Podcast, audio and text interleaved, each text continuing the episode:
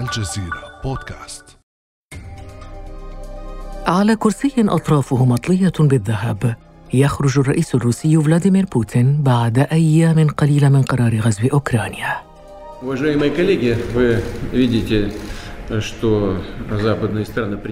زملائي الأعزاء كما ترون ليس فقط الدول الغربية هي من تتخذ خطوات اقتصادية معادية ضد دولتنا.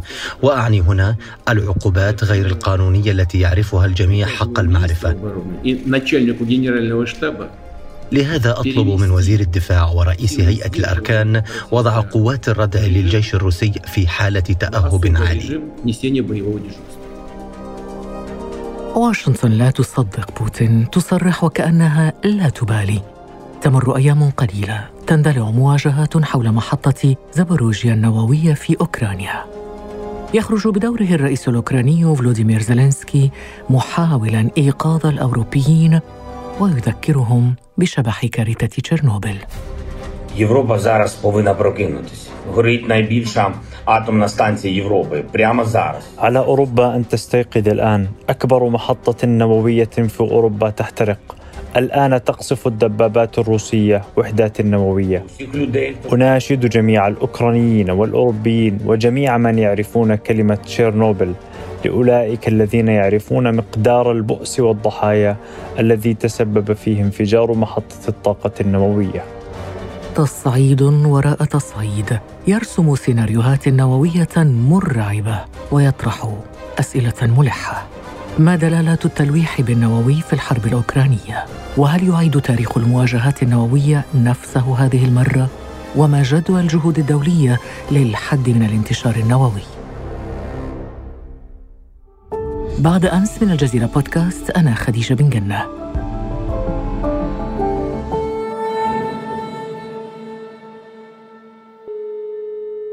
يسعدني أن أستضيف معي في هذه الحلقة الدكتور حسن نافع أستاذ العلوم السياسية بجامعة القاهرة. أهلا وسهلا بك دكتور حسن. أهلا بحضرتك. أهلا وسهلا. دكتور حسن نافع بداية هل ما نراه من موسكو اليوم هو مجرد تلويح أم تأهب حقيقي فعلي لاحتمال مواجهة نووية برأيك؟ أعتقد أنه مجرد تلويح في هذه المرحلة على الأقل. وفي اعتقادي أن بوتين يعني أراد إرسال رسالة آه، هي في المقام الأول موجهة للولايات المتحدة وحلفائها. يعني يريد من خلالها التأكيد على تصميم روسيا منع تحول أوكرانيا إلى دولة معادية على حدودها الغربية وأيضا منع انضمامها آه، إلى حلف الناتو. باعتبار أنه هذا المنع هو الوسيلة الوحيدة لإبعاد خطر نشر الصواريخ آه، التي يمكن أن تكون محملة برؤوس نووية وإبعادها عن الحدود المباشرة آه، لروسيا أه وبرأيك دكتور حسن كيف استقبل الغرب هذا التلويح بالنووي من طرف بوتين؟ أعتقد أنه استقبل هذا التلويح على اعتبار أن هذه مسألة جادة وأن التدخل العسكري الروسي في أوكرانيا آه، هو أمر لا رجعة فيه وأنه غير قابل للردع بدليل أن آه، يعني ورغم تلويح آه، الولايات المتحدة وحلفائها بعقوبات شديدة جدا وصارمة على روسيا إلا أن هذا لم يمنع روسيا من استخدام القوة العسكرية وبالتالي استخدام بوتين للقوة العسكرية في أوكرانيا وفي الوقت نفسه التلويح بالنووي معناه أن روسيا جادة جدا في هذه المواجهة ولن تسمح للغرب إطلاقا بأن يضع صواريخ بالقرب من حدودها. وأوكرانيا خط أحمر وهي وجورجيا أيضا. أعتقد أن هذا واضح ومنذ فترة طويلة وقبل التدخل العسكري لروسيا في أوكرانيا. لكن دكتور حسن نافع عندما تقول أن هذه السيناريوهات جادة جدا، ألا يكون من أخطرها سيناريو الحرب النووية وهو سيناريو مرعب؟ الحرب النووية مستبعدة تماما في ظل مستوى التقدم التكنولوجي الذي وصل إليه العالم. لا يمكن أن يكون هناك حاكم عاقل ورشيد في العالم يتخذ قرار ببدء حرب نووية لأنه يعرف أن هذا قرار يعد انتحارا. في الحرب النووية لن يكون هناك غالب أو مغلوب لن يكون هناك منتصر ومهزوم. الكل سيكون مهزوم والعالم سيتحول إلى دمار لأن هناك إمكانية للرد. حتى لو وصلت الصواريخ النووية إلى أهدافها تستطيع يعني البوارج أو الغواصات النووية في عمق المياه أن تقوم بالضربه الثانية. ولذلك الكل يدرك إنه حرب نووية معناها دمار العالم فناء البشرية وفناء الحضارة. لكن طبعا الأخطاء التقنية واردة. يعني ممكن أن يحدث خطأ فني يتسبب في اندلاع وهذه كارثة يعني تحيط بالجميع. لكن هي في هذه الحالة ستكون حرب نووية غير مقصودة نتيجة خطأ غير مقصود وهذه هي الكارثة الأكبر. لكن لا يمكن ابدا أن أتصور شخصيا أن يوجد حاكم عاقل سواء بوتين أو غير بوتين يمكن أن يتخذ قرارا ببدء ضربة نووية ضد دولة نووية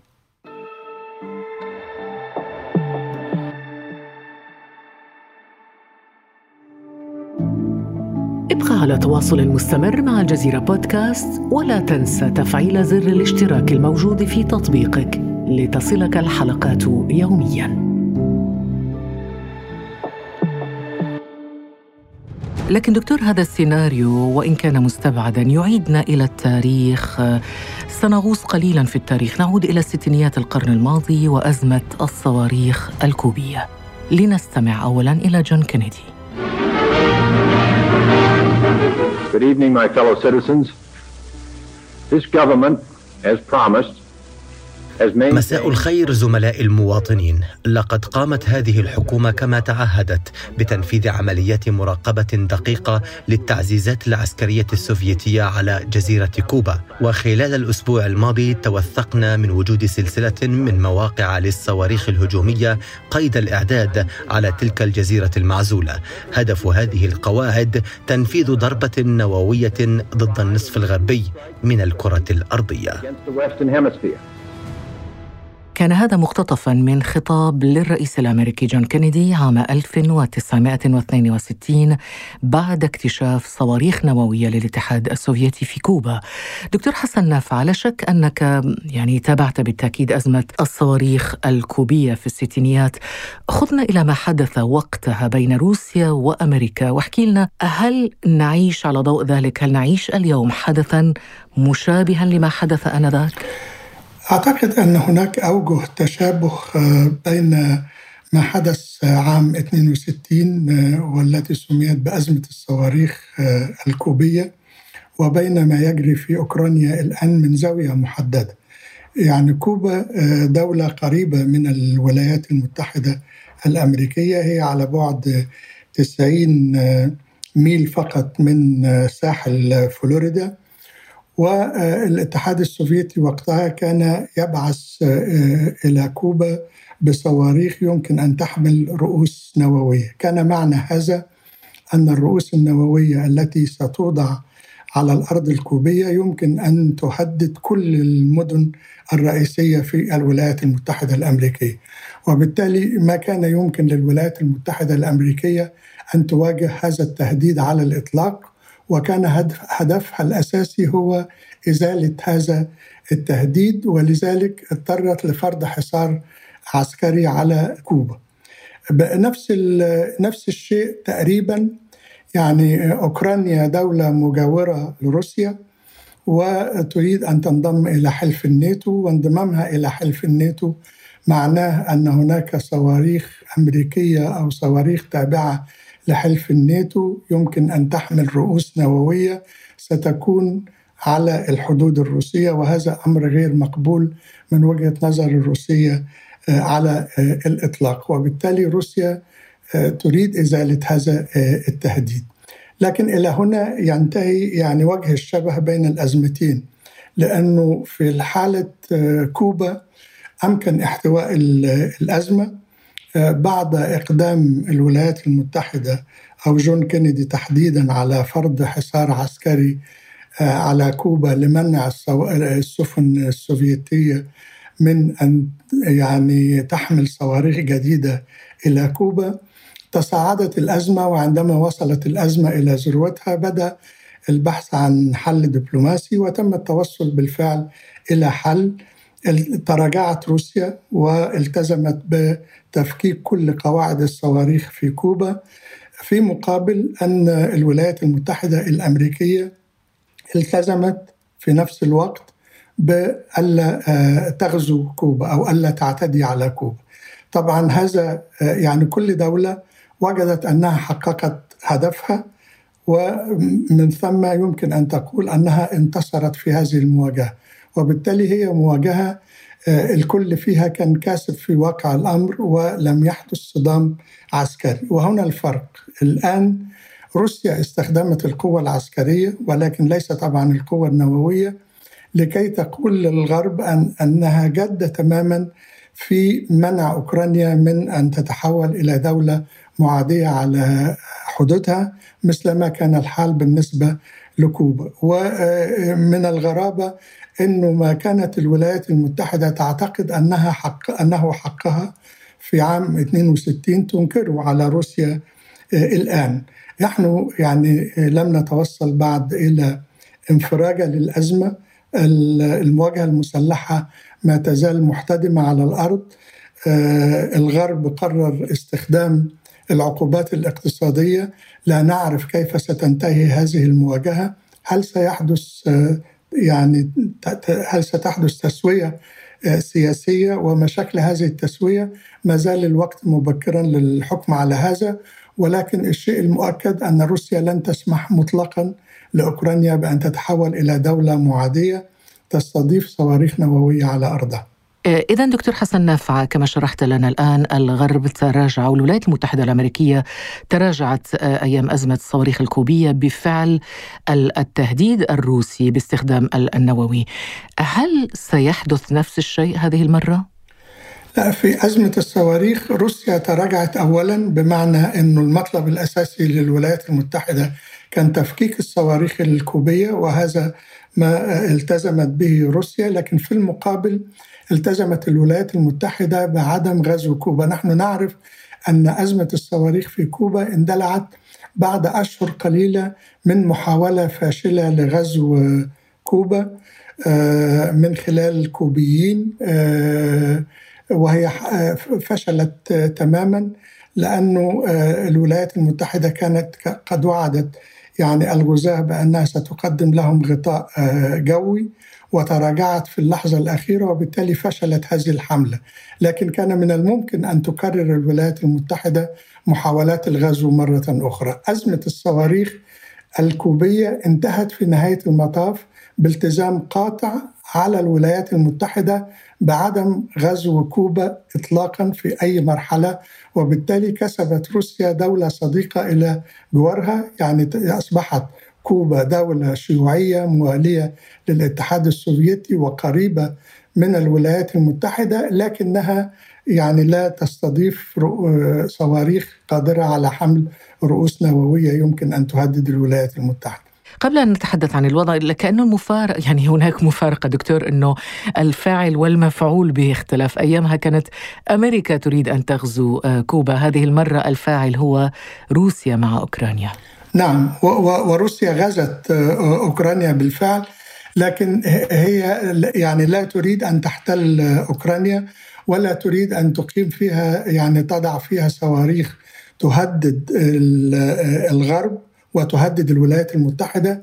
هي تريد أن تجعلها دولة محايدة دولة غير عضو في حلف الناتو وهذا ما رفضه الغرب قبل اندلاع الأزمة وفي تقديري وأنا قلت هذا عدة مرات أنه لو كان الرئيس الأوكراني ألزم نفسه قبل استخدام روسيا للقوة المسلحة قال أنه لن يطلب الدخول في حلف الناتو ولو أن الولايات المتحدة قبلت أن تقدم ضمانات لروسيا بأنها لن تحول أوكرانيا إلى أرض معادية وتستضيف صواريخ أمريكية قادرة على حمل رؤوس نووية.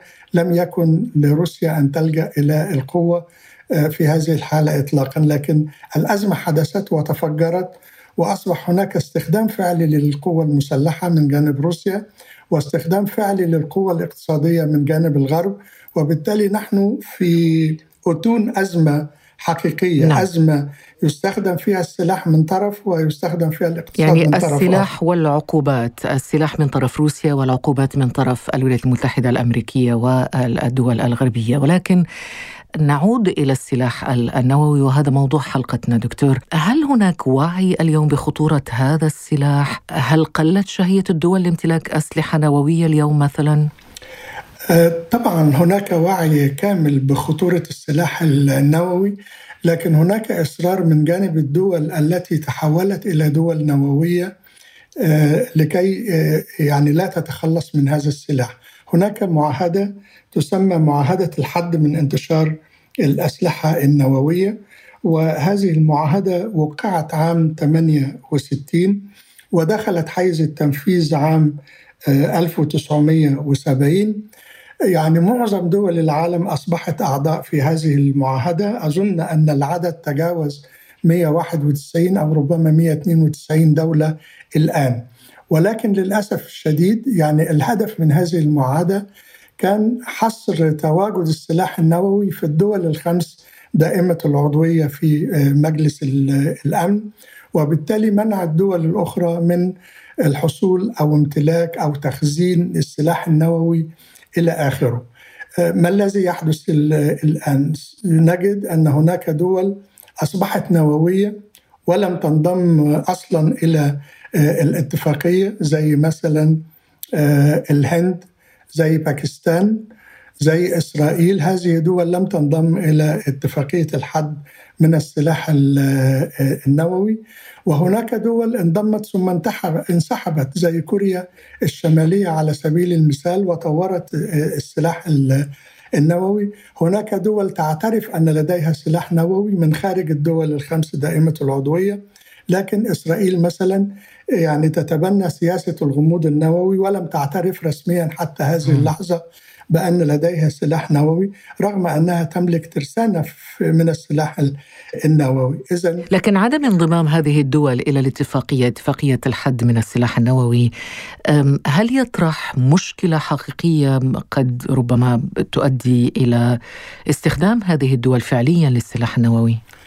هو يطرح مشكلة حقيقية آه، لكن إمكانية استخدام السلاح النووي كما قلت من أي طرف كان سواء كانت من الدول القديمة التي امتلح يعني الدول دائمة العضوية في مجلس الأمن أو الدول الأخرى آه، غير غير وارد. هي, هي هذه الدول يعني تعرف أن هذا سلاح للردع وليس سلاح للاستخدام وبالتالي يستبعد آه، طالما أن هناك عاقل ورشيد يعني يحكم هذه الدول. لكن إذا تصورنا يعني وصول آه، شخص مجنون إلى السلطة في أي من الدول النووية هذا أمر وارد ويمكن أن يتسبب في كارثة للعالم كله. دكتور كيف نحدد المجنون من العاقل في موضوع استخدام السلاح النووي إذا كنا لدينا أمثلة في التاريخ تقول انه دول عاقلة واستخدمت هذا السلاح النووي يعني أمريكا جربت استخدام السلاح النووي في هيروشيما وناغازاكي، فرنسا وهي دولة غربية استخدمت أيضا السلاح النووي في تجاربها النووية في الجزائر خلال احتلالها للجزائر. يعني هذه الدول تصنف عادة ضمن يعني عائلة الدول العاقله.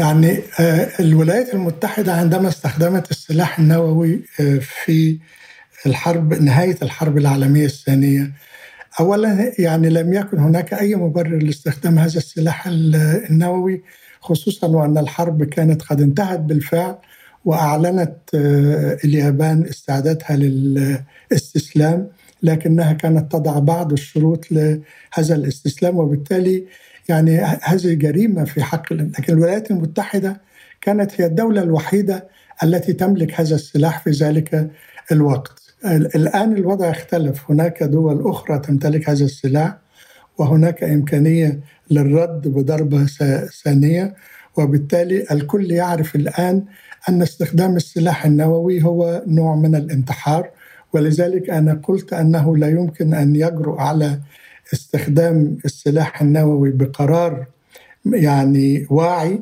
إلا شخص مجنون وبالتالي شخص فقد عقله.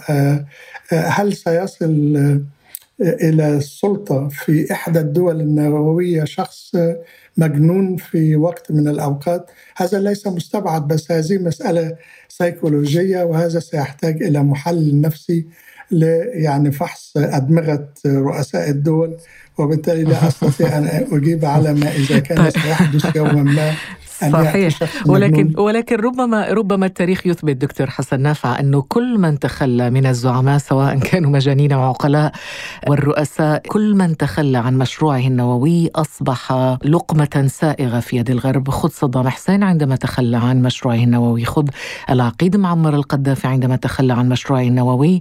ماذا حدث لهما؟ بينما رئيس كوريا الشمالية وكوريا الشمالية متمسكة بمشروعها لا أحد يستطيع أن يقترب منه. نعم يعني آه، ولذلك الدول التي تسعى للحصول على السلاح النووي أو لديها برامج نووية يمكن أن تتطور إلى برامج تسلح نووي.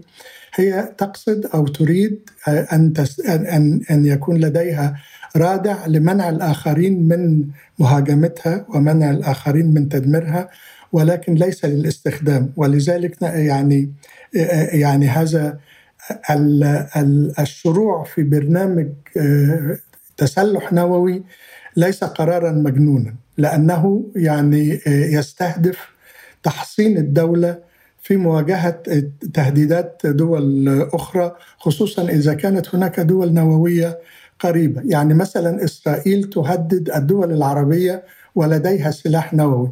مشروع تماما أن تحاول الدول العربية إما أن تجبر إسرائيل على التخلص من السلاح النووي وبالتالي يتم إعلان منطقة الشرق الأوسط منطقة خالية من السلاح النووي كما تطالب الدول العربية أو أن تلجأ الدول العربية إلى برامج نووية تستهدف صنع القنبلة النووية وهذا ما لن يسمح به آه، الغرب اطلاقا. ربما لهذا إيران تتمسك بمشروعها النووي. بالضبط إيران. ولكن طبعا مع الفارق أنه الإمام الخميني كان قد أصدر فتوى بتحريم تصنيع السلاح النووي وبالتالي إيران لا تقول ابدا أنها يعني تقوم ببرنامج نووي لأغراض التسلح ولا تنوي آه، الحصول على قنبلة نووية ولكنها لديها الحق في استخدام السلاح العلم النووي للاستخدامات السلمية. وهذا بالمناسبة أمر تتيح آه، معاهدة الحد من انتشار السلاح النووي بل هي تلزم الدول النووية أن تقدم تسهيلات نووية للدول شرط أن يكون لاستخدامات سلمية. لكي تستخدم العلم النووي في الاستخدامات غير النووية استخدام السلمي نعم. التسلحي نعم. دكتور حسن نفع في الأخير كيف تستشرف تداعيات الحرب الأوكرانية على مستقبل التسلح النووي؟ آه، يعني آه، هذا يعني ينقلنا إلى آه، يعني كيف ستنتهي الحرب؟ من سيكون الفائز ومن سيكون المهزوم؟ من سيقدم تنازلات أكبر؟ ولكن أنا أعتقد أن الأزمة الأوكرانية تمهد لنظام عالمي جديد. هي تؤكد تراجع الولايات المتحدة والغرب صعود روسيا وصعود الصين وصعود قوى أخرى في مناطق أخرى كالهند كالبرازيل إلى آخره. وبالتالي نحن نتجه إلى آه، يعني آه، نظام دولي متعدد القطبية.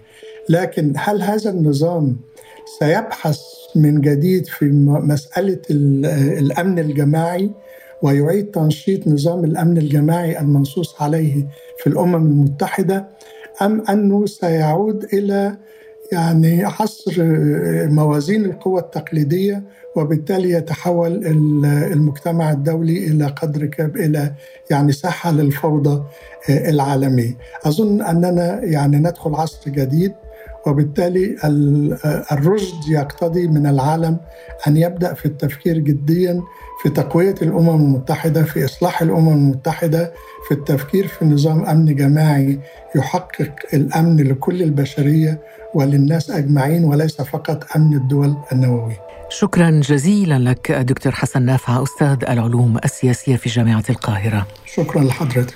بارك الله فيك. كان هذا بعد أمس.